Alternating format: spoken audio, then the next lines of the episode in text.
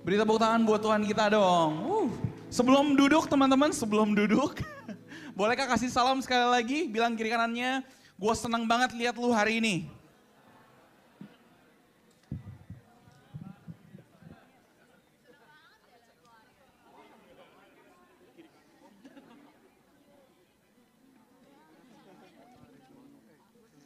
Silahkan duduk teman-teman.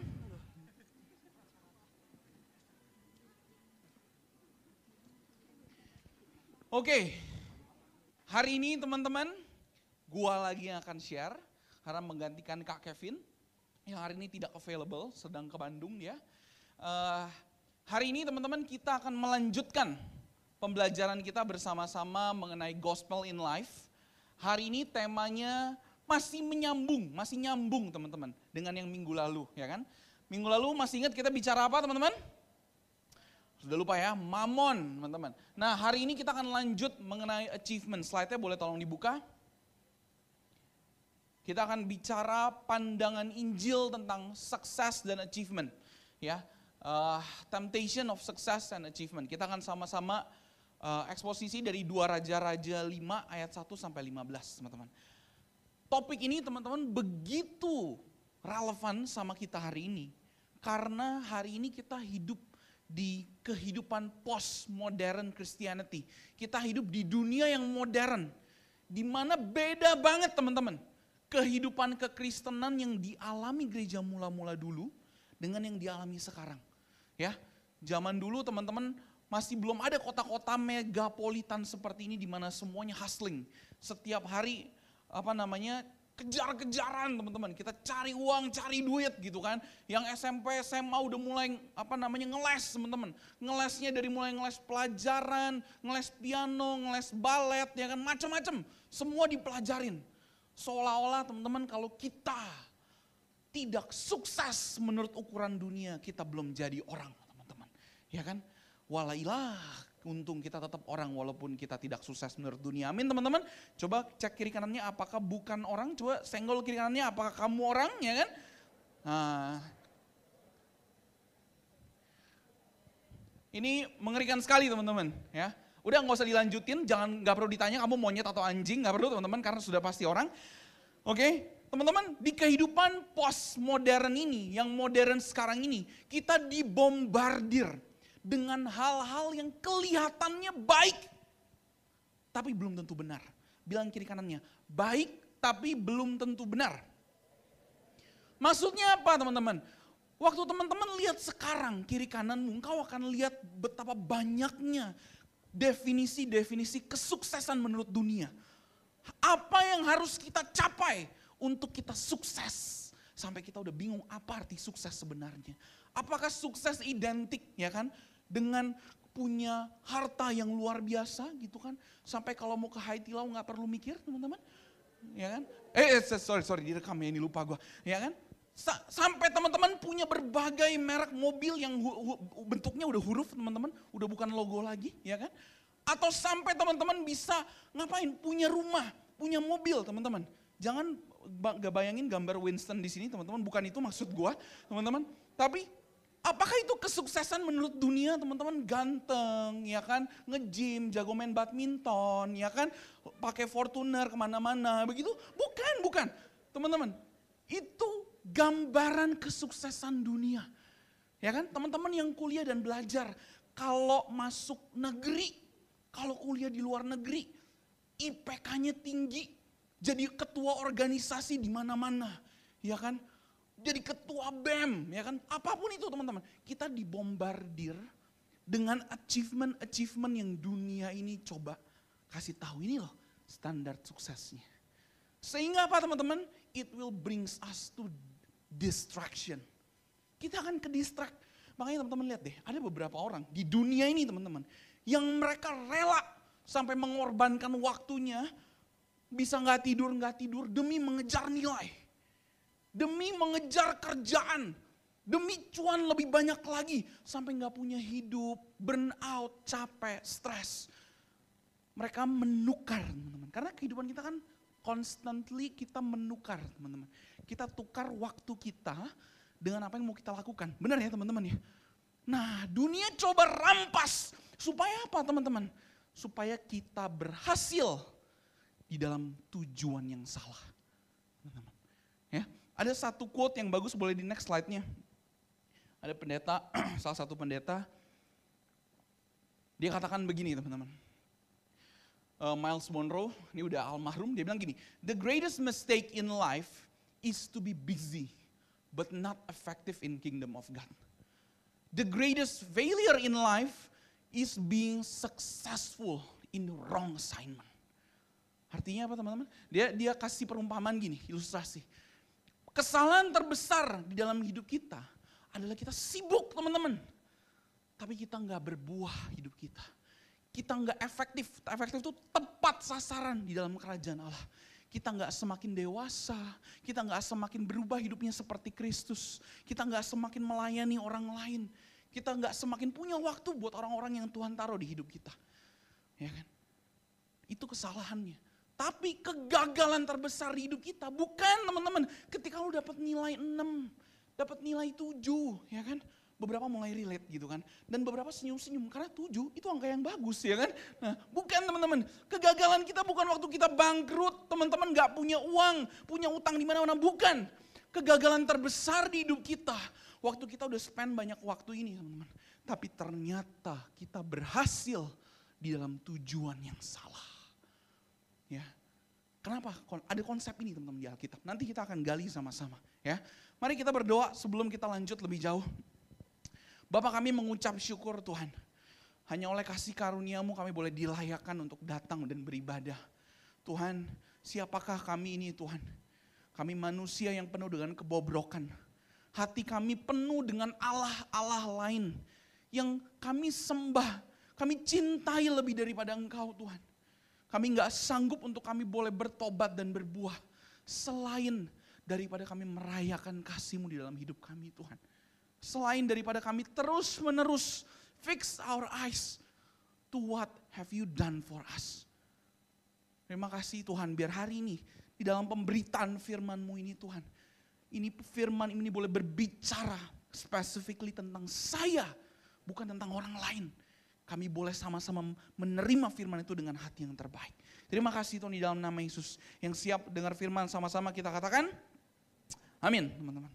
Mari kita buka sama-sama di dua Raja-Raja 5 ayat 1 sampai 14. Dua Raja-Raja 5 ayat 1 sampai 14.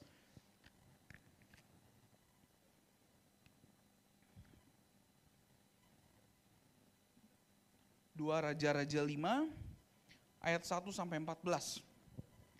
Oke teman-teman sudah di depan. Ayat ganjil para pria yang baca, ayat genap para wanita yang baca. Nanti along the way gue akan kasih konteks ini cerita tentang apa teman-teman. Karena mungkin teman-teman beberapa ceritanya kurang familiar gitu ya.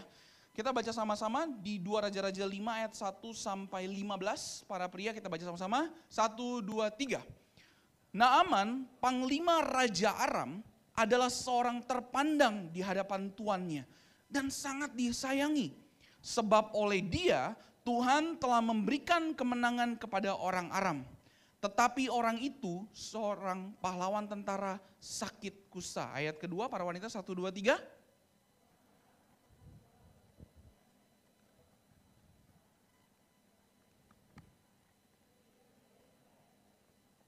Oke, sampai di sini dulu teman-teman. Ini kisah tentang seorang panglima, namanya Naaman, teman-teman. Nah, bukan Naan, teman-teman, itu roti, ya. Naaman, teman-teman. Naaman ini adalah panglima perang dari Raja Aram.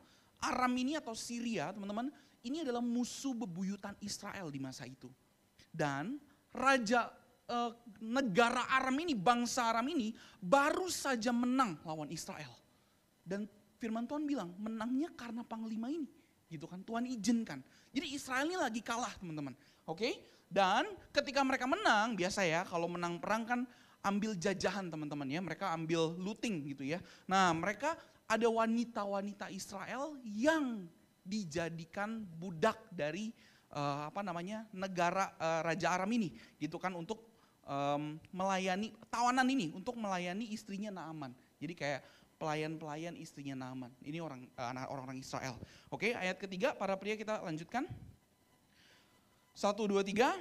Berkatalah gadis itu kepada nyonyanya, sekiranya tuanku menghadap nabi yang di Samaria itu, maka tentulah nabi itu akan menyembuhkan dia dari penyakit ayat 4.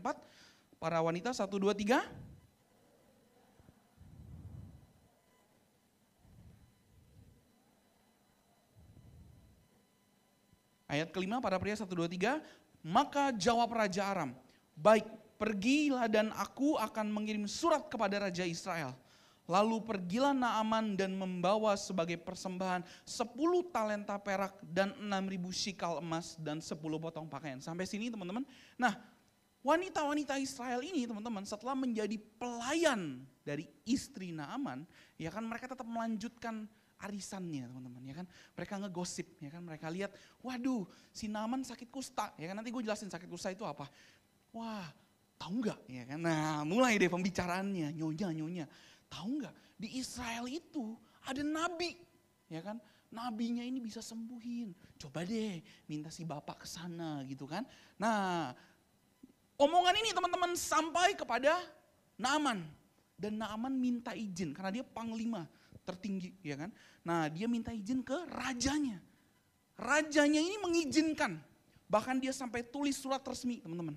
Ya kan dia tulis surat resmi dan raja ini memberikan Naaman persembahan untuk dibawa. Itu kalau di rupiah itu gede sekali teman-teman. Ya itu e, nilainya 6000 shikal emas itu sangat besar. Ya karena itu dibawa oleh Naaman. Nah berlanjutlah ceritanya teman-teman. Kita lanjut lagi ke ayat, tadi ayat berapa? Ayat 6 ya. Ayat 6. Ayat 6 tadi udah belum ya? Sorry. Belum ya. Para wanita ayat 6, 1, 2, 3.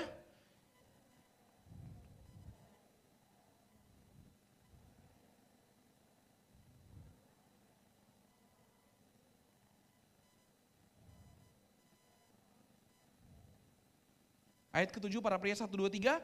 Segera sesudah Raja Israel membaca surat itu, dikoyakannya pakaiannya, serta berkata, Allahkah aku ini yang dapat mematikan dan menghidupkan, sehingga orang ini mengirim pesan kepadaku, supaya aku sembuhkan seorang dari penyakit kustanya.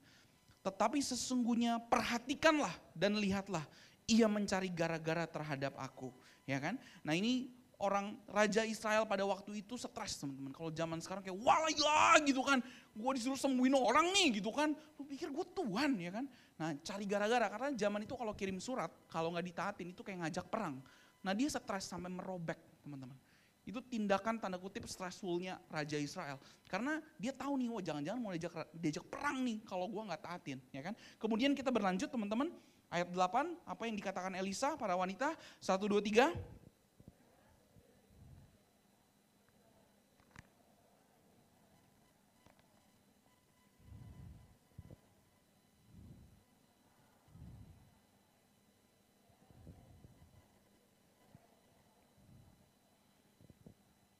Ayat 9 para pria 1, 2, 3.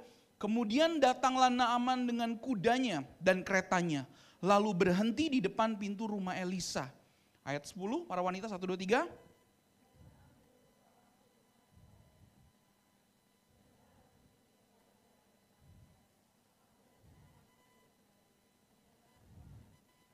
Ayat 11, para pria 1, 2, 3.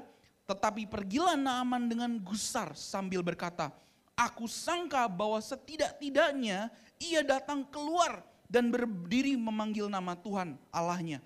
Lalu menggerak-gerakkan tangannya di atas tempat penyakit itu dan dengan demikian menyembuhkan penyakit kusta. Ayat 12 para wanita, 1, 2, 3.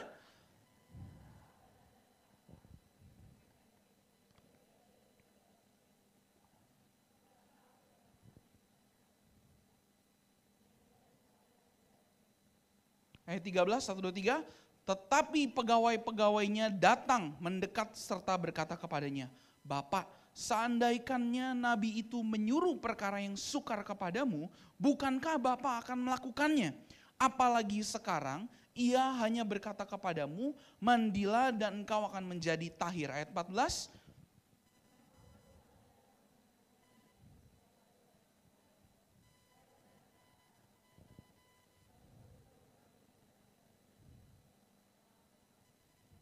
Ayat 15 kita baca sama-sama, 1, 2, 3.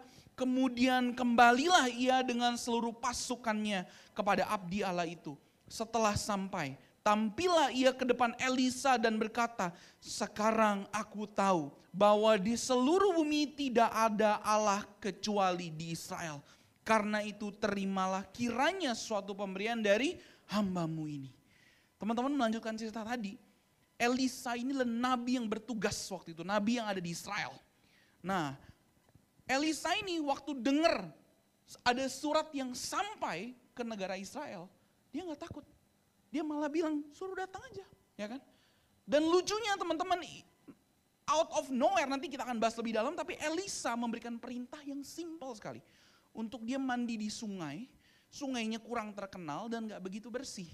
Dia mandi tujuh kali. Dan singkat cerita, Naaman sembuh dan dia memuliakan Tuhan. Nah, dari cerita ini teman-teman kita akan lihat ada beberapa hal yang kita bisa lihat bahwa Injil dan achievement itu bicara soal apa.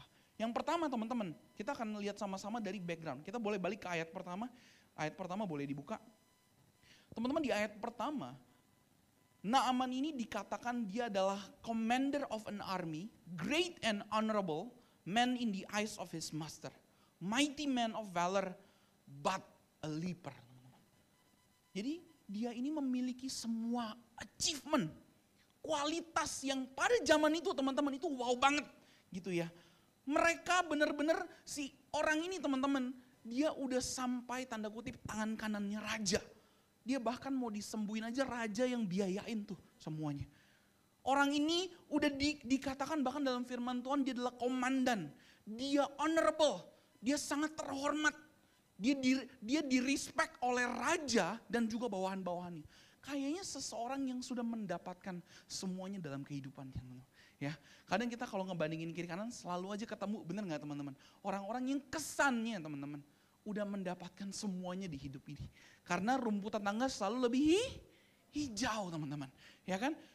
Jadi stoplah menunjuk ke beberapa orang dan mulai melihat-lihat siapakah gitu kan si komandan Naaman ini gitu kan. Nah tapi yang menarik gini teman-teman. Di ayat yang sama dikatakan bahwa orang ini sudah achieve semuanya di hidupnya teman-teman. Ya kan. Tapi dia menderita kusta teman-teman. Teman-teman tahu kusta? Lapar ini? Boleh dibuka slide-nya. Jadi kusta ini teman-teman. Ini bukan penyakit yang dia terima dari uh, sesuatu, misalkan dia kayak flu gitu ya, kita terima karena ada infeksi virus atau bakteri. Tapi kusta ini teman-teman adalah penyakit bawaan, ya kan? Ya, ada orang yang bawaannya gimmick hidupnya teman-teman, ya kan? Apa pun ya kan dibuat lucu. Ya kan? Ada orang-orang yang dari apa bawaan dari hidupnya teman-teman mukanya serius terus, nggak bisa dianggap bercanda. Nah, ini kurang lebih teman-teman penyakit kusta ini adalah bawaan. Nah ini tulisan dari beberapa teolog, dia bilang begini, ancient leprosy ini, kusta pada zaman itu tuh beda sekali dengan yang sekarang. Di zaman dulu teman-teman, itu akan muncul ada bintik-bintik merah di dalam, eh, di, di permukaan kulit. Dan bintik-bintik merah ini akan menjadi putih teman-teman, ya kan? Setelah putih dia akan menyebar ke seluruh uh, badan, kemudian apa namanya rambutnya akan mulai menipis teman-teman ya. Yang rambutnya sudah mulai tipis ya kan. Yang jidatnya lebar-lebar bukan kusta kok tenang saja ya kan. Nah itu teman-teman dan bukan cuma itu teman-teman itu mengerikan. Bahkan teman-teman fingernails dan toenailsnya itu kuku-kukunya akan mulai copot. Gamnya, gam itu tuh gusi teman-teman akan mulai turun, giginya mulai lepas. Sampai ujungnya dia membusuk dan mati teman-teman. Jadi ini sebuah penyakit bawaan DNA yang udah kutuk sifatnya kalau bisa dibilang. Jadi dia nggak kenapa-napa tapi dia kena penyakit itu. Nah teman-teman ini juga sama. Teman-teman sadar nggak? Keadaan Naman ini menggambarkan keadaan kita di zaman sekarang. Kita yang mencoba untuk achieve berbagai macam hal di kehidupan kita. Tapi at the same time teman-teman, sekalipun, sekalipun kita bisa achieve kesuksesan dari dunia, standar dunia ini teman-teman tapi kita nggak akan pernah bisa lepas dari kuasa dosa itu. Dosa ini teman-teman seperti kusta yang tadi. Membuat kita teman-teman pasti akan hancur teman-teman. Ya, Makanya dia bilang ini seperti dosa yang dari dalam hati kita teman-teman. Ya, Ada satu kisah teman-teman uh, yang diceritakan ada satu uh, mantan penasehat presiden Teman-teman bisa baca nanti ceritanya namanya Chuck Colson. Dia lahir di tahun 1930-an di mana? Di masa-masa itu teman-teman kerjaan itu nggak kayak sekarang. Tinggal apply lewat platform-platform ya kan bisa dapat kerja, intern, magang di mana-mana. Ini enggak, dia kerja dengan sangat sulit teman-teman di tahun-tahun itu. Ya, tapi anak ini begitu pintar. Dari SMA tanda kutip teman-teman dia belajar begitu keras ya kan sampai subuh-subuh. Kalau nugas sampai subuh-subuh oke okay lah gitu. Ini nggak ada tugas pun dia belajar teman-teman. Ya kan kita punya teman-teman yang kayak gitu kan teman-teman. Yang kalau ditanya, eh ujian gimana? Waduh gue gak bisa nih kayaknya bingung gitu kan. Pas keluar nilainya 100 ya kan. Yang kayak gitu-gitu tuh matil ya kan. Nah eh, apa namanya belajar. Hidupnya benar-benar dia fokusin untuk dedikasi, disiplin habis-habisan ya nggak ada di sini nggak ada itu kan nggak ada di sini nah teman-teman itu teman-teman dia singkat cerita orang ini keterima di Ivy League Ivy League itu tuh beberapa ada belasan universitas yang jejeran terbaik Harvard, Oxford, Cambridge dan lain-lain. Dia keterima teman-teman dan dia lulus dengan magna cum laude. Jadi IPK-nya tuh kalau sekarang 4,0 out of 4,0. Jadi perfect teman-teman ya kan. Dan bukan cuma itu, dia juga atlet, ya kan? Jadi badannya jadi, ya kan? Nah, badannya jadi bukan cuma itu teman-teman, orang ini achieve juga dia menjadi ketua BEM-nya tanda kutip di zaman itu, ya kan? Yang ngomongin soal politik, ya kan? Masuk ke pemerintah, mewakili mahasiswa, ya kan? Itu ini orang overachiever dalam hidupnya, teman-teman. Dia masuk ke dalam tentara Marine, teman-teman, waktu itu tentara laut dan dia teman-teman umur 29, teman-teman sudah jadi setara jenderal. Jadi tingkatnya tinggi sekali teman-teman. Dan dia tanda kutip, oh udah nih karir gue udah mentok di dalam tentaran ini. Dengan gampangnya dia buka bisnis. Dia buka bisnis apa teman-teman? Buka bisnis hukum, bikin law firm. Ya ini jangan buat-buat ya. dia buka bisnis law firm, hukum teman-teman, ya kan? Teman-teman tahu law firm kan hukum ya? Kalau teman-teman lihat yang suka kadang-kadang mamer ini apa, cincin gitu tuh. Nah, dia dia bikin bisnis law firm yang out of nowhere jauh banget gitu bedanya kan. Dan dia berhasil teman-teman. Dan di umur 37 tahun dia menjadi penasehat presiden Nixon di US. Jadi presiden itu datang ke dia kayak kita kedatang ke Kak Jojo, Kak Jojo mau minta pendapat dong gitu kan. Nah presiden US dia datang ke si Chuck Colson ini teman-teman. Untuk minta pendapat. Dan dia bimbing presiden. Orang ini overachiever. Sampai ada kalimat dia masuk ke banyak koran. Salah satunya dia bilang gini, ini adalah orang yang akan membantai bahkan neneknya untuk get things done gitu kan. Maksudnya dia akan lakukan apa pun supaya selesai gitu kan. Dan dia menghalalkan segala cara teman-teman. Dan akhirnya benar, satu, satu kisah teman-teman. Dia lagi ngomong dan dia melakukan kesalahan, tindakan dia salah, dia mulai, uh, ya pokoknya yang penting beres, dia jadiin, tapi dia melanggar hukum. Suatu kali ketangkep teman-teman, ya kan?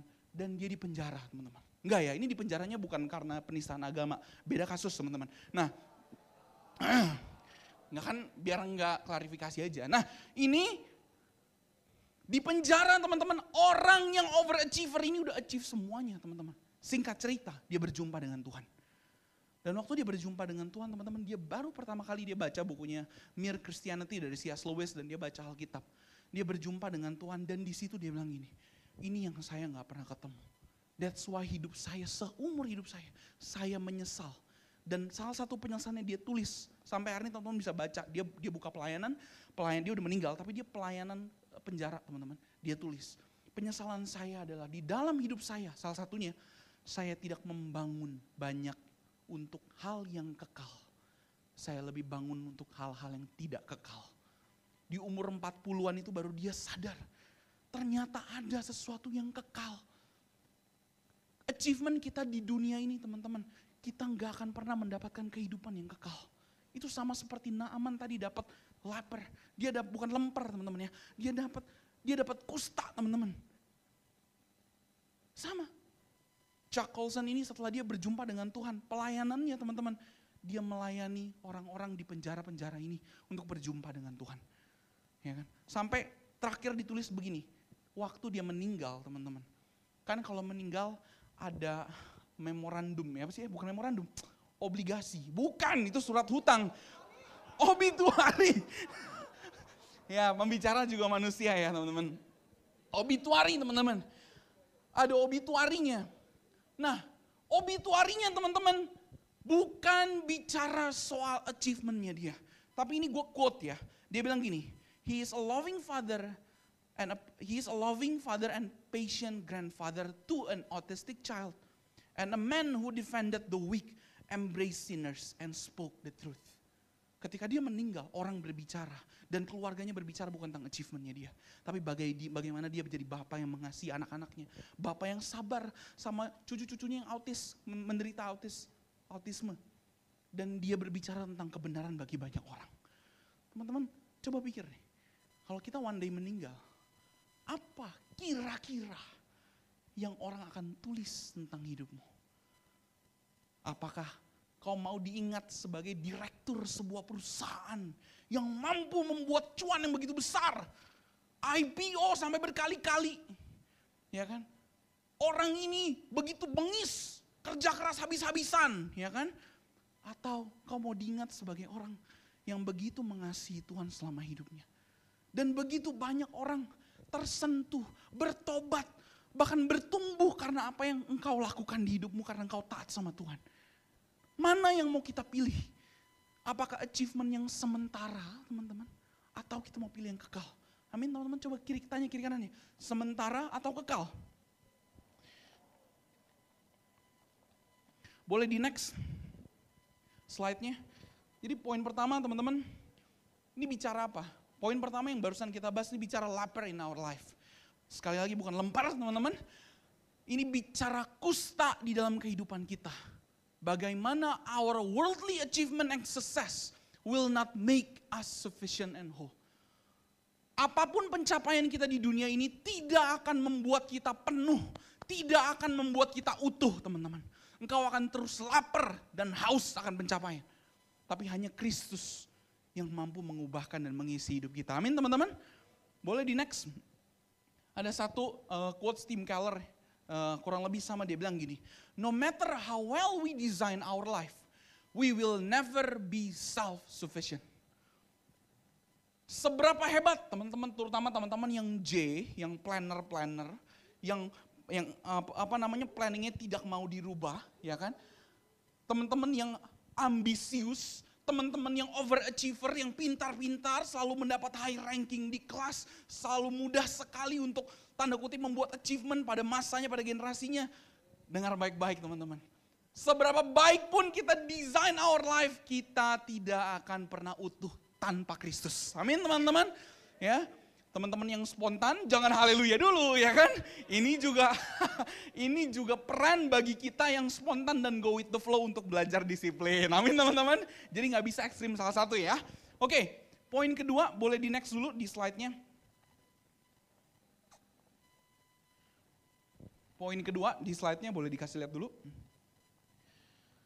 Teman-teman kita akan lanjut ke ayat 5 sampai 7. Ini bicara apa teman-teman? Poin kedua adalah what world can't give. Apa yang dunia nggak bisa kasih teman-teman.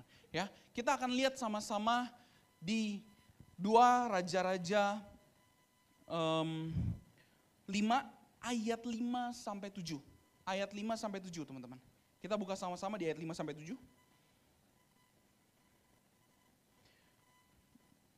Gue akan bacakan buat teman-teman ya. Maka jawab Raja Aram, baik pergilah dan aku akan mengirim surat kepada Raja Israel. Lalu pergilah Naaman dan membawa sebagai persembahan 10 talenta perak, perak dan 6 ribu shikal emas dan 10 potong pakaian. Ia menyampaikan surat itu kepada Raja Israel yang berbunyi, sesampainya surat ini kepadamu, maklumkanlah kiranya bahwa aku menyuruh kepadamu Naaman, pegawaiku, supaya engkau menyembuhkan dia dari penyakit kustanya. Segera sesudah Raja Israel membaca surat itu, dikoyakannya pakaiannya serta berkata, walailah Allahkah aku ini yang dapat mematikan dan menghidupkan. Sehingga orang ini mengirimkan pesan kepadaku supaya ku sembuhkan seorang penyakit kustanya. Tetapi sesungguhnya perhatikanlah dan lihatlah ia mencari gara-gara terhadap aku. Teman-teman, dalam konteks ini teman-teman, ini menarik sekali. Konteks ini teman-teman sejarahnya setiap negara pada zaman itu teman-teman mempunyai tanda kutip nabi. Jadi tiap negara itu punya Tuhan dan punya nabinya masing-masing. Ya kan? Negara A percaya kepada Tuhan A dengan nabi-nabinya. Nah, nabi-nabi ini bekerja di bawah raja, teman-teman. Jadi mereka akan ikutin apa kata raja. Kecuali di Israel. Israel ini, nabi, walaupun ada raja, tapi nabi ini adalah perpanjangan tangan Tuhan yang sifatnya independen. Jadi raja mau bilang apa kalau dia bilang ini nggak benar, dia akan menyatakan ini nggak benar. Makanya teman-teman akan menemukan beberapa kali nabi-nabi di dalam perjanjian lama itu menegur raja teman-teman. Karena nabi itu nggak ngikutin raja, tapi dia menyatakan apa yang Tuhan mau pada zamannya melalui dia. Ya, nah mereka pikir teman-teman, terutama Naaman dan Raja Aram atau Syria ini berpikir, kalau dengan koneksi gua, dengan resources yang gue punya hari ini sebagai raja dan juga sebagai panglima, kita bisa beli kesembuhan itu, ya kan? Dan kita bisa mendapatkan, ya kan? Tanda kutip kesuksesan sejati ini. Ya, ini sama kayak kita teman-teman. Kita hidup di dunia ini kita lihat betapa Kristus sudah mati di kayu salib buat kita. Tapi at the same time kita masih selalu, ini natur kita sebagai manusia. Ini bobroknya kita sebagai manusia kita masih terus-menerus berpikir bahwa sekalipun Kristus itu memberikan nyawanya bagi hidup saya, tapi nggak cukup. Saya perlu sukses di dalam kehidupan pribadi saya. Seperti dunia panggil, seperti dunia kasih lihat. Seolah-olah Kristus itu nggak cukup. Seolah-olah kita seperti Naaman yang mencoba dengan caranya sendiri untuk mendapatkan kesembuhan tadi. Ya, dan ini yang dunia ajarkan sama kita. Supaya kita distracted. Kita ke distract teman-teman ya. Nah teman-teman. Ada satu quote dia bilang begini. Boleh dibuka slide-nya. Tim Keller bilang gini teman-teman. Don't look to the world for what only God can give. Jangan lihat ke dunia atau mencari kepada dunia untuk hal-hal yang cuma Tuhan yang bisa kasih. Teman-teman kau bisa dapetin kok pekerjaan yang menurut dunia ini terbaik. Engkau bisa dapetin harta yang menurut dunia ini decent. Tapi engkau nggak akan bisa pernah bisa dapetin Tuhan Yesus. Kebenaran, damai sejahtera dan sukacita oleh Roh Kudus itu hanya bisa didapatkan di dalam Tuhan, teman-teman. Engkau nggak bisa cari itu dari dunia. Sekalipun kelihatannya bisa dibeli dengan uang it will cause you to even more hunger and thirst. Itu akan membuat kita semakin lapar dan haus. Dan kita nggak akan pernah puas teman-teman. Ya, seperti kita pelajari minggu lalu ya kan. Akar segala kejahatan bukan uang, tapi cinta akan uang. Dan olehnya berbagai orang jatuh ke dalam lubang-lubang karena mereka mengejarnya. Ini juga sama teman-teman. Teman-teman perhatiin deh, hari ini teman-teman pelajar, waktu engkau lagi di sekolah, achievement terbesarmu itu bukan waktu engkau dapat nilai yang paling bagus. Achievement terbesarmu itu bukan, wow, gue bisa nail it di berbagai macam mata pelajaran supaya masa depan gue terjaminkah. Teman-teman, waktu kita ngelihat ada sisi achievement ini, kita kita belajar, kita jadi melihat nilai olimpiade diterima di universitas yang kita mau yang orang anggap bagus, itu menjadi source of achievement kita. Kita mau achieve hal itu. Dan itu menjadi sumber buat hidup kita. Kau akan kecewa teman-teman. Kalaupun kau mendapatkannya akan ada waktunya teman-teman akan kecewa. Kenapa teman-teman? Karena begini, waktu engkau lihat itu sebagai achievement, engkau akan lihat, wow, kuncinya gini, ngujinya simple teman-teman, ya kan? Sesuatu yang kita pegang erat, kalau kita nggak dapat pasti sah, sakit teman-teman. Kalau teman-teman pelajar hari ini engkau lihat, engkau mendewa-dewakan, engkau menuhankan untuk dapat nilai yang terbaik, untuk dapat nilai yang bagus. Seakan-akan kan bagus ya teman-teman ya. Dapat nilai bagus tuh nggak salah loh teman-teman. Jangan habis ini, woi yang penting gue jawab dulu aja ya kan. Ada ongkos nulis ya kan. Bukan teman-teman. Tapi poinnya gini, ketika kita menjadikan achievement sebagai sumber, sebagai Tuhan, teman-teman. Kita menyeleweng seperti Naaman kita malah menyeleweng dari prinsip yang Tuhan kasih. Tuhan ajarin kita apa? Stewardship. Kita diberikan untuk kita kelola. Makanya kalau saya bilang apa? Lakukanlah seperti untuk Tuhan teman-teman. Sehingga kalau engkau belajar, teman-teman yang malas juga bertobat. Jangan haleluya, haleluya nih teman-teman yang malas denger ini ya kan. Teman-teman kalau engkau belajar, engkau lakukan Tuhan, saya dengan mental seperti ini Tuhan, kau sudah tebus hidup saya. Sehingga saya pun juga lakukan yang terbaik. Saya mau jadi teladan buat papa mama saya, buat orang tua, buat teman-teman. Sehingga saya akan belajar.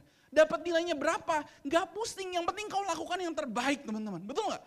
Ya, teman-teman ada beberapa orang teman-teman yang dapat nilai 95. Dulu gue pernah lihat gitu, teman gue nangis ujian. Gue pikir kenapa nih gitu kan, gak lulus gitu kan. Pas gue lihat angkanya dia dapat 95 gitu kan. Terus gue pikir-pikir, kurang asem, gue cuma 75 seneng-seneng aja lagi gitu kan. Ya kan ada kan ya teman-teman ya gitu ya, yang dapat nilainya uh, apa? Kita pasti punya teman-teman yang dapat nilainya jelek ya kan, tapi selalu tertawa dan bahagia teman-teman ya kan. Itu bentuk kedewasaan ya kan. Mentertawakan diri sendiri itu kedewasaan ya kan. Nah, begitu teman-teman. Nah ini juga sama gitu kan. Kadang ya kan kalau dapat nilai 675 rasanya stres banget gitu kan. Gue ingat sekali teman-teman, waktu itu gue juga cukup tanda kutip ambisius dalam hal-hal beginian teman-teman.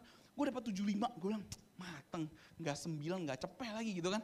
Tapi pas gue lihat teman-teman gue dapat nilai berapa? 4, haleluya. ya kan, hati manusia bobrok teman-teman. Alasan kita bersyukur dua hal. Satu karena Tuhan baik buat hidup kita apa pun yang terjadi. Yang kedua ada orang yang lebih parah. ya, Selalu teman-teman ya, nggak, nggak itu bercanda teman-teman. Nah teman-teman para pelajar, jangan lihat dari nilaimu, kerjakan yang terbaik. Amin teman-teman. Kalau engkau yang engkau tahu memang ada beberapa teman-teman pinter, matematikanya hebat, ya kan? Atau fisikanya jago, ajarin teman-temanmu, jangan matil teman-teman. Ya, teman-teman yang mahasiswa, hari ini, eh kamu mau lihat nih, terutama teman-teman yang mahasiswa nih, engkau masuk ke dalam sebuah free world, ya kan? Wah orang-orang mulai bombardir, lu mesti jadi kayak begini, lu mesti achieve ini itu mulai masuk teman-teman, mesti hati-hati. Teman-teman ingat IPK dirimu, keberhargaanmu bukan ditentukan dari IPK kamu teman-teman. Ya kan? Yang IPK-nya 2,0, haleluya, ya kan? Ya kan? Keberhargaan dirimu bukan ditentukan. Apakah engkau udah pernah punya research paper ke luar negeri, jadi asisten dosen, asisten laboratorium teman-teman. Udah magang di tempat-tempat bagus, ya kan? Enggak, bukan dari itu. Sekalipun kalau dapat bagus teman-teman, enggak masalah gitu kan. Nah tapi kita nggak boleh menjadikan itu Tuhan atas hidup kita. Amin teman-teman. Yang pacaran teman-teman. Hari ini, hey itu bukan achievementmu. Berapa banyak teman-teman hari ini yang masih jomblo? Boleh angkat tangan? Wuh. Bilang kiri kanannya, jomblo itu nasib, single itu prinsip.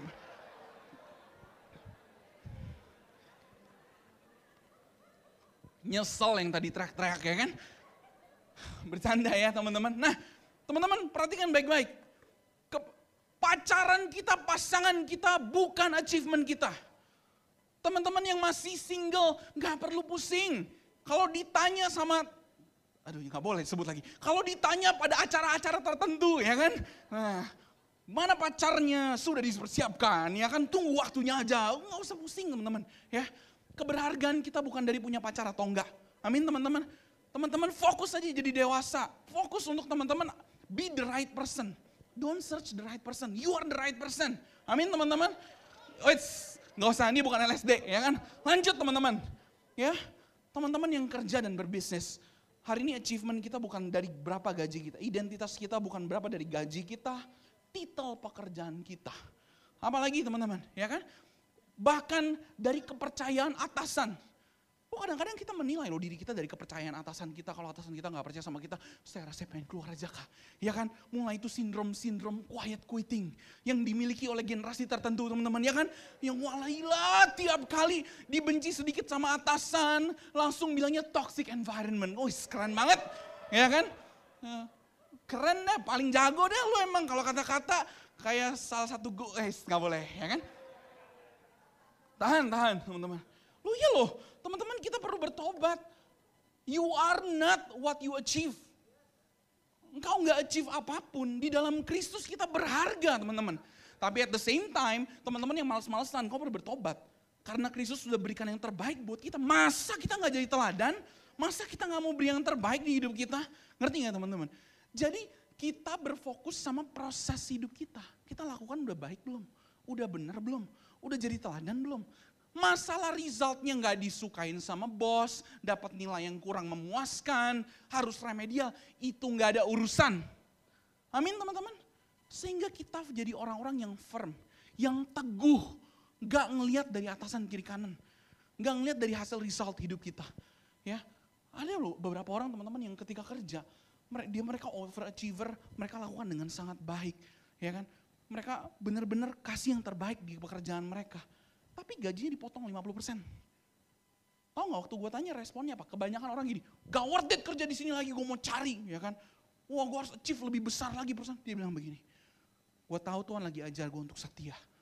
Hari ini tempat gue mau uh, support bos gue. Wah gue bilang, ini orang-orang yang benar-benar tahu bahwa identitas mereka bukan dari pekerjaan mereka atau achievement mereka. We do it because of who we are. Kita lakukan itu karena kita tahu kualitas kita sebagai orang-orang yang ditebus Kristus. Amin teman-teman. Ya, sehingga boleh balik lagi teman-teman, satu lagi dan juga teman-teman yang pelayanan. Ya. Ini juga salah satu teman-teman. Jangan pikir pelayanan itu bukan achievement, no.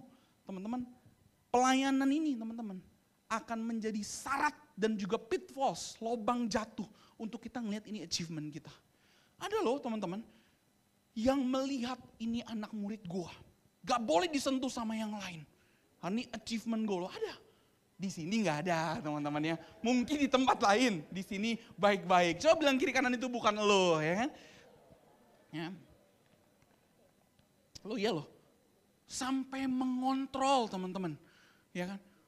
Harus begini, kalau nggak begini dianggap nggak taat. Teman-teman, hey kita hari ini bukan guru, kita bukan gembala. Tapi kita dipercayakan untuk menggembalakan. That's two different thing. Kita dipercayakan untuk muridkan. Itu kata kerja, bukan status teman-teman. Sehingga orang-orang di bawah kita yang hari ini Tuhan percayakan, itu bukan milikmu loh. Jangan berasa nih murid gua nih gitu kan, ini komsel gua nih gitu kan, harus taat. Tapi kalau kalau komsel tambah besar, wow inilah ya kan. Kalau komsel cuma satu orang, stres. No, salah teman-teman. Kita belajar stewardship, kita belajar bahwa apa pun yang Tuhan percayakan di hidup kita teman-teman kita lakukan karena kita diperintah untuk menggembalakan, bukan jadi gembala, teman-teman. Jadi jangan jangan nggak usah sok nih gue gembalanya, gue jangga. Kita semua sama. Kita adalah hamba yang dipercayakan oleh Kristus. Amin teman-teman. Ya, sehingga boleh balik ke poin nomor dua teman-teman. Boleh balik ke poin nomor dua. Sehingga teman-teman don't look to the world for what God can only give.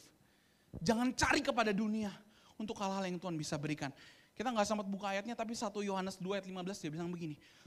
Uh, dunia ini berisi keinginan daging, keinginan mata, dan keangkuhan hidup. Janganlah mencintai dunia dan apa yang ada di dalamnya. Dalamnya tiga itu, keinginan daging, keinginan mata, dan keangkuhan hidup.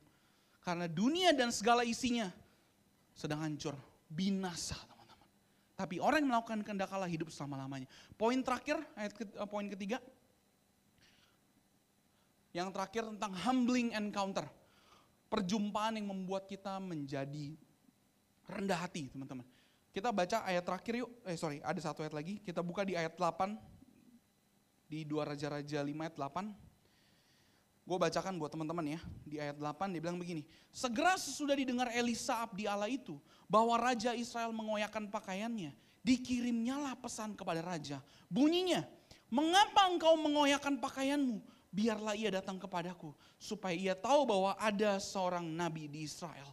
Ya kan? Kemudian teman-teman tadi tahu ya kebayang ya bahwa Elisa teman-teman dia bilang datang aja. Ya kan? Ini menarik teman-teman karena di konteksnya ini secara cepat teman-teman. Konteksnya di zaman itu kalau nabi itu tuh biasanya datengin tapi ini enggak dia kasih orang dia kasih surat datang aja. Dan bahkan Elisa memberikan penyampaian soal tadi itu mandi di tujuh kali di sungai itu lewat messenger. Orang dia nggak datang sendiri. Makanya teman-teman tadi si Naman kesel, dia bilang begini, ya kan dia gusar hatinya, dia kesal sekali, ya kan dia bilang e, apa namanya, aku sangka bahwa setidak-tidaknya Elisa datang keluar dan berdiri memanggil nama Tuhan. Lalu menggerak-gerak tangannya, walailah gitu kan, di atas tempat penyakit itu dan dengan demikian menyembuhkan penyakitku. Ternyata enggak teman-teman. Elisa ini, dia sengaja teman-teman pakai cara yang humiliate. Yang tanda kutip merendahkan. Karena dia mau kasih tahu, kita nggak diperintah sama engkau. Kita punya Tuhan yang luar biasa teman-teman. Tahu nggak teman-teman? Itu bagaimana cara Elisa humbling. Dan bahkan Elisa kasih dia pikir buat si Naman ini. Naman ini karena panglima perang. Dia pikir ayo bantai 2000 orang atau pergi ke delapan sungai. Dia pikir dia kayak wah gue akan diberikan sebuah tugas yang luar biasa. Tapi ternyata tugasnya simpel banget. Berendam di sungai, sungainya juga sungai yang kotor, bukan yang bersih-bersih banget. Ada sungai yang lebih bersih itu membuat dia wah sombong, sombong. Naman sombong, dia berasa dia udah punya semua achieve banyak hal. Tapi Elisa kasih yang simple. Di situ dia kena. Itu sama seperti kita hari ini teman-teman. Tuhan kita, Bapa kita bukan hanya Bapa yang mengasihi, tapi Bapa yang mendidik, teman-teman. Kalau teman-teman baca Ibrani 12, Ibrani 12 specify, dia menjelaskan bagaimana Bapa kita mendidik dengan disiplin tapi dia mengasihi kita dan begitu personal. Sehingga teman-teman, believe it or not, semua kesombongan kita personal by personal, ala-ala lain hidup kita personal by personal akan ditatar, dikonfront sama Tuhan ke dalam hidup kita sama seperti Naaman teman-teman. Ya. Dan yang menarik di ayat terakhir di ayat 15 dia bilang begini, setelah Naaman ikutin, dia tunduk, dia ikutin firman, dia perintah dari Elisa. Naaman itu teman-teman, dia bilang begini, sekarang aku tahu bahwa di seluruh bumi tidak ada Allah kecuali di Israel. Karena itu terimalah kiranya suatu pemberian dari hambamu ini. Waktu itu teman-teman, at least dia ngomong gini, wah ternyata Allahnya Israel hebat juga. Terima kasih sudah sembuhkan saya. Tapi no, Naaman ketika dia berjumpa dengan Tuhan Allah Israel, dia katakan tidak ada Allah lain. Bahkan Allahnya negaraku gak ada cuman ada Allah Israel. Kalau teman-teman baca kelanjutan kisahnya, bahkan Naaman dia minta, dia minta diampuni atas selama ini perbuatan-perbuatan idolatrinya dia. Teman-teman, kalau kita mau lihat sama-sama ya, encounter kita dengan Tuhan, perjumpaan kita dengan Tuhan akan menghambalkan kita, membuat kita menjadi rendah hati, teman-teman. Dan juga life changing. Boleh dikasih lihat slide-nya tadi? Slide terakhir. Ini akan menjadi perjumpaan yang humbling dan life changing. Dia bilang apa teman-teman?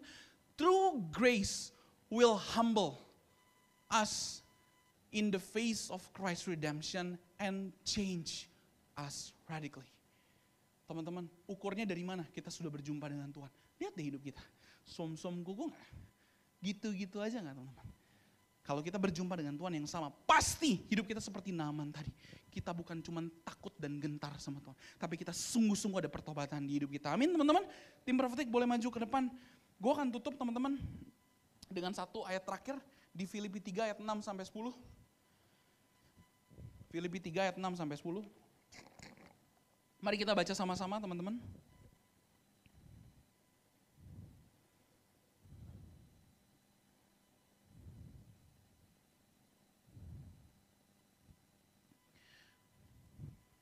Kita baca sama-sama ya dari ayat 6, 1, 2, 3.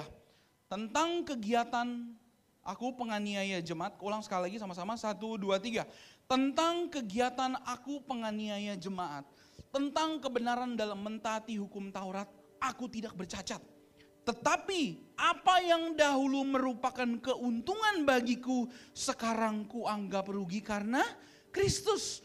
Malahan segala sesuatu ku anggap rugi karena pengenalan akan Kristus Yesus, Tuhanku, semuanya. Oleh karena dialah aku telah melepaskan semuanya itu dan menganggapnya sampah supaya aku memperoleh Kristus dan berada dalam dia bukan dengan kebenaranku sendiri karena mentaati hukum Taurat melainkan dengan kebenaran karena kepercayaan kepada Kristus yaitu kebenaran yang Allah anugerahkan berdasarkan kepercayaan. Yang ku kehendaki ialah mengenal dia dan kuasa kebangkitannya dan persekutuan dalam penderitaannya. Di mana aku menjadi serupa dengan dia dalam kematiannya. Kata-kata ini begitu powerful teman-teman. Karena kata-kata ini datang dari orang yang sudah achieve begitu luar biasa. Paulus seorang Sanhedrin, dia petinggi di zaman waktu itu teman-teman dia petinggi, dia begitu pintar, dia begitu hebat, dia dikenal banyak orang, dia udah achieve segala hal. Tapi dia bilang apa teman-teman? Malahan segala sesuatu kuanggap rugi karena pengenalan oleh Kristus Yesus. Tuhanku lebih mulia daripada semuanya. Oleh karena dialah aku telah melepaskan semuanya itu dan menganggapnya sampah supaya aku memperoleh Kristus. Ini sampah ini kalau bahasa aslinya itu lebih kotor, kalau sekarang kayak tai gitu teman-teman modelnya. Mohon maaf. Tapi ini ini konotasi yang Paulus pakai untuk menggambarkan perbandingan betapa Kristus jauh lebih berharga dibandingkan semua yang sudah pernah dia achieve di dalam professional worknya dia sebagai Sanhedrin. Teman-teman hari ini ketika kita lihat gospel, Injil, apakah kita bilang gini Tuhan, kalau hari ini Tuhan percayakan saya pekerjaan, bisnis, kuliah, sekolah, saya akan lakukan dengan yang terbaik. Tapi Tuhan, hati saya mau terpaut kepadamu Tuhan Segala sesuatu saya anggap sampah. Karena saya mau kenal engkau Tuhan. Saya mau semakin hidup saya berubah seperti Kristus. Bukan semakin sukses seperti apa yang dunia katakan. Saya mau semakin mengasihi orang-orang yang Tuhan taruh di dalam hidup saya. Apakah kita bilang begitu teman-teman? Waktu kita berjumpa dengan Injil, pasti teman-teman, seperti Naaman tadi. Ada life changing activity. Ada life changing event yang terjadi dalam kehidupan kita. Gue tutup dengan satu cerita teman-teman. Gue jarang menceritakan ini karena buat gue personally ini bukan sebuah kebanggaan gimana banget. Teman-teman, waktu gue terima Tuhan dan bertobat sungguh-sungguh, melayani waktu itu pimpin komsel, rintis komsel, bersama teman-teman toga yang lama jadi pengawas area, dipercayakan jadi gembala area dadakan, ya kan. Semua kita lihat apa yang di depan mata kita, kita lakukan. Singkat cerita teman-teman, waktu itu untuk kuliah uh, ada kesulitan keuangan yang seperti yang gue cerita. Akhirnya gue harus masuk ke negeri. Gue ingat sekali satu tahun sebelum teman-teman gue belajar habis-habisan. Belajar apa namanya, dulu namanya SNMPTN ya kan. Belajar sampai ngelihat tembok itu lebih seru dibandingkan belajar teman-teman. Saking udah bosen. Keterima teman-teman dan waktu keterima teman-teman. Waktu itu gue ingat sekali, gue pikir wah ya kan gue gak ngerti apa-apa, kayaknya juga bukan dari sekolah yang luar biasa. Tapi teman-teman gue lulus tiga setengah tahun waktu itu. Gue jadi asisten lab, asisten dosen. Gue dapat beasiswa dua biji untuk gue ke luar negeri. Kemudian gue research international paper. Waktu itu terbang ke India untuk present, dapat best presentations. Mewakili Indonesia dan UI waktu itu teman-teman. Dan juga waktu di semester 4 gue masuk ke salah satu oil company yang gue suka banget, oil service company yang gue suka banget. Wah ini udah best banget. Sampai waktu gue lulus dia udah bilang, kamu uh, udah tinggal kontak kita aja. Tapi teman-teman pada masa itu teman-teman, gua gua ingat sekali, gua bolak-balik dari Depok naik motor teman-teman ke Sunter, ke Kelapa Gading, ke daerah Pademangan, cuman buat komsel, cuman buat ketemu orang pemuritan. Di mana masa-masa itu teman-teman, komsel tuh cuman berdua teman-teman. Gua sama satu orang yang datang udah gitu. Ada masa-masa capek, berat. Tapi gue ingat sekali, Tuhan kalau Tuhan percayakan ini, saya mau kerjain apa yang di depan mata saya. Teman-teman gue gak bangga dengan pencapaian yang tadi, tapi gue mau kasih tahu pencapaian yang tadi itu konteksnya kenapa gue tadi ceritain itu bukan karena gue bangga, tapi karena pencapaian itu nothing compare sama pengenalan akan Kristus. Terakhir waktu gue lulus tiga setengah tahun teman-teman. Waktu itu di zaman zaman gue kak Kevin dan teman-teman kita memimpin itu dengan kondisi yang cukup parah. Arti-artiannya ada banyak ada transisi kepemimpinan, kita mesti ada banyak orang yang tanda kutip uh, kecewa, pahit, jadi kita mesti turun, kita mesti layanin satu-satu jemaat tinggal 80 orang dari 300-an orang waktu itu teman-teman. Waktu itu setelah gue selesai teman-teman, gue ingat sekali, gue udah selesai kuliah tiga setengah tahun, terus kemudian dipanggil sama oil company yang sama. Dan dia tanya, kamu mau gak kerja? Kamu kerja di bidang yang gue suka, di company yang gue suka, gue udah tahu gue udah magang di sana tapi penempatannya di Abu Dhabi dan Kalimantan, teman-teman. Itu doang. Dan ini karena pekerjaannya terkait dengan oil, jadi harus di sana. Harus di onsite, teman-teman. Nah, gue tahu sekali waktu itu ya, gue secara manusia, secara achievement, gue pengen sekali dream job gue. Tapi satu waktu gue lagi naik motor, teman-teman, gue ingat sekali. Tuhan tuh bicara, gue berasa Tuhan ngomong, Tuhan ingetin, aku panggil kamu loh. Dan gue tahu di situ gue bilang Tuhan, kalau Tuhan memang mau Tuhan saya layani orang-orang yang di depan mata saya ini. Saya nggak ambil nggak apa-apa. Waktu itu gue ambil keputusan, gue ngambil teman-teman dengan berat hati dan mulai dari nol lagi apply apply cari kerja teman-teman apply apply sana sini bingung soal masa depan. Yang achievementnya tanda kutip gue udah wow udah gue siapin jauh-jauh hari. Ternyata berubah dalam sekejap tangan. Tapi kenapa putuskan waktu itu teman-teman? Karena kembali lagi sama seperti Paulus bicara segala sesuatu gue anggap sampah ketika kita melihat pengenalan akan Kristus. Teman-teman ini sedikit dari cerita gue yang nothing, gak ada apa-apanya. Dibandingkan apa yang jemaat mula-mula dulu alami, Paulus alami. Tapi hari ini pertanyaannya balik kepada pribadimu masing-masing. Siapa dirimu? Apakah engkau ditentukan dari achievementmu? Apakah engkau ditentukan dari apa yang engkau punya teman-teman? Atau kita berani bilang hari ini Tuhan, engkau yang paling berharga di dalam hidup saya. Bahwa sekalipun Tuhan, bisnis saya bangkrut, pekerjaan saya nggak dipandang orang, saya mesti pindah pekerjaan, ada masa-masa saya sulit, nggak dapat nilai yang terbaik, nggak dapat kampus yang terbaik, tapi engkau tetap Tuhan yang paling berharga buat hidup saya. Karena kita sadar di luar Kristus teman-teman, kita nothing. Amin teman-teman. Mari kita pejamkan mata kita.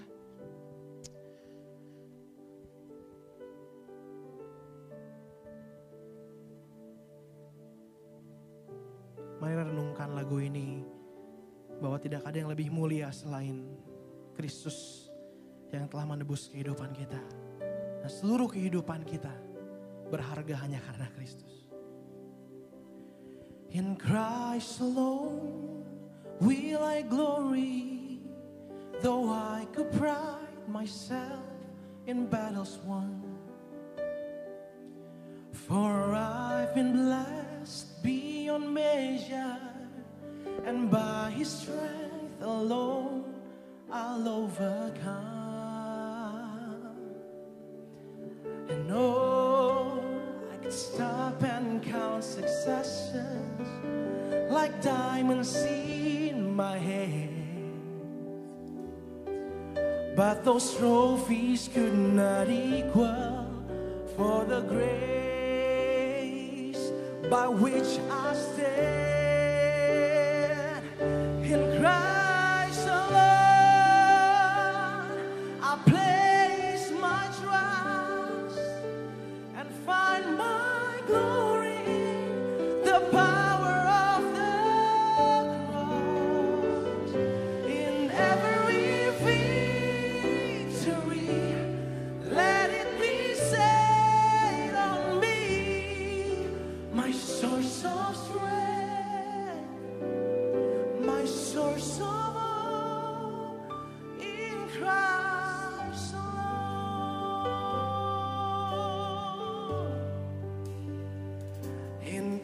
Christ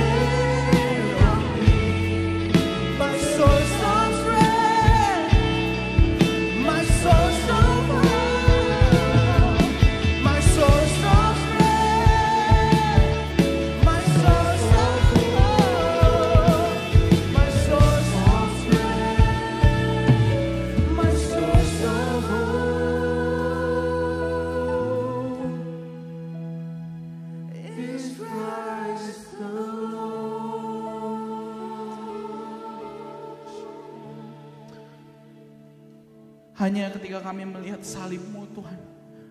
Kami sadar betapa bobroknya hidup kami dan hati kami Tuhan.